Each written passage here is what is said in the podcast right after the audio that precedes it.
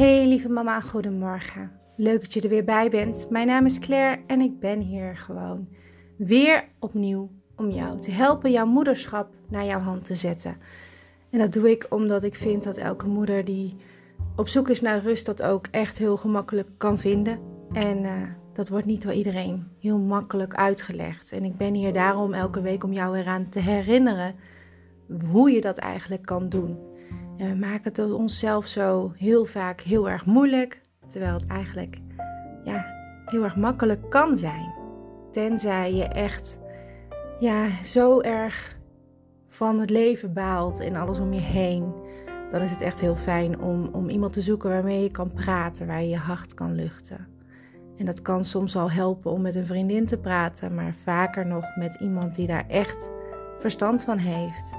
En uh, dat begint bij een huisarts. Maar als je nou in zo'n ontzettend gat zit, of je hebt het gewoon helemaal niet fijn op dit moment en je vindt het allemaal heel erg zwaar, of je baalt gewoon van alles hoe de week verloopt en je krijgt het allemaal niet op een rijtje, dan raad ik je aan om echt te starten met het opruimen van je huis. En dat is dan ook ja, het onderwerp van deze week. En dat hoeft niet alleen maar voor moeders te zijn die het lastig hebben, die het zwaar hebben, die hun moederschap nog echt onder controle moeten krijgen of het gewoon opnieuw willen opstarten. Het kan voor iedereen alleen maar helpen en beter zijn om in een opgeruimde omgeving te wonen. Nou, ik ben zelf een heel creatief persoon. En niet alleen ik, ook mijn kinderen zijn twee creatieve tuttebellen die, uh, die ervan houden om veel te knutselen, om dingen te versieren, om een drukke kamer te creëren en uh, om veel spullen te hebben om dat knutselen en dat creatieve natuurlijk ook weer tot uiting te kunnen brengen. En als ik niet goed oplet en als ik het niet goed bijhoud in huis, dan verdwijnen we met z'n allen in onze spullen en hebben we een heel chaotisch hoofd.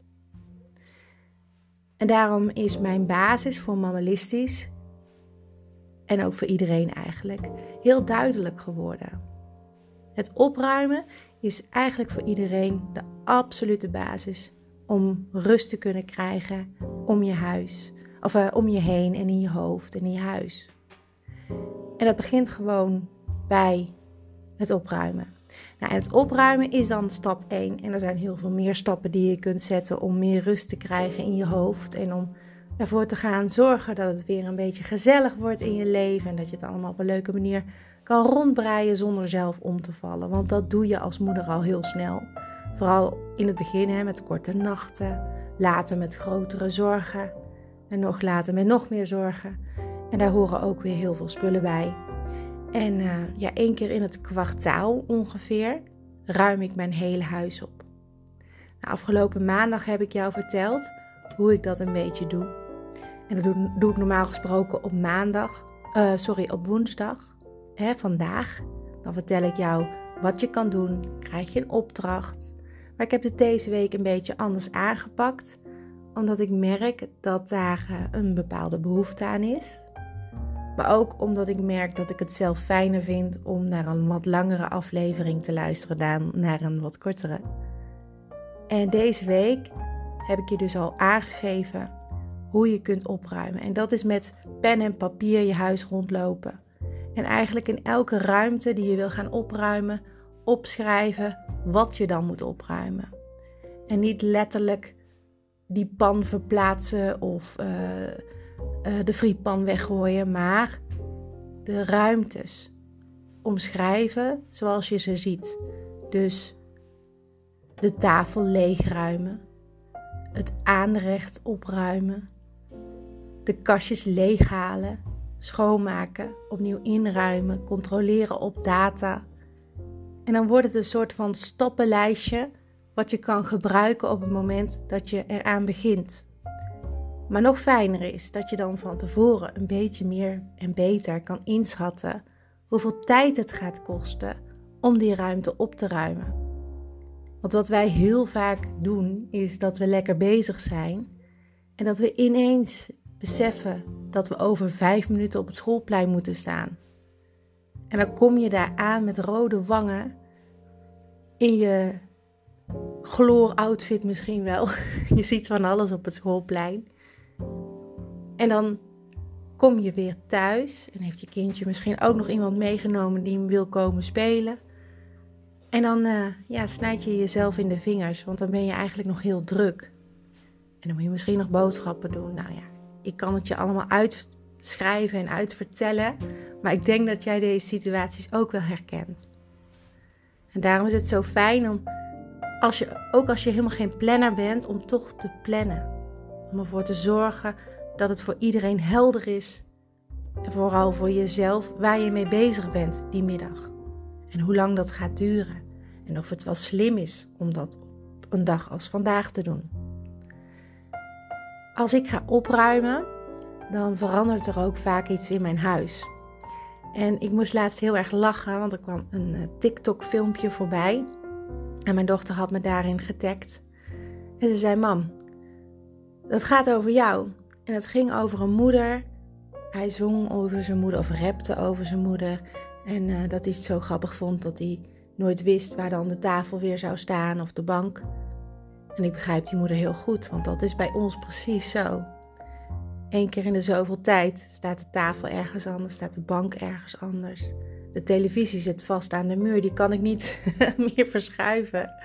Uh, dat hebben ze blijkbaar expres gedaan, de mannen in mijn leven. Maar het is voor mij heel belangrijk om dat te kunnen doen. Want het geeft twee dingen. Het geeft één ruimte om op te ruimen op plekken waar ik anders niet ben gekomen. Ehm, en twee, het geeft ook meer um, ja, een, een andere vibe in mijn huis, waardoor ik weer opnieuw kan beginnen. Ik vind het heel fijn om bezig te zijn in mijn huis. En vandaag heb ik daarom ook niet echt een opdracht voor je, maar wel een tip. En dat is dat als je gaat opruimen, en je gaat echt goed opruimen, zoals ik heb verteld, alle ruimtes, doe weg wat je niet meer nodig hebt, wat je niet gebruikt, waar niemand naar omkijkt. En ook al twijfel je, doe het gewoon weg, want eigenlijk zijn spullen bijna altijd vervangbaar, tenzij er een emotionele waarde aan hangt. Maar ja, die doe je ook niet snel weg, lijkt mij.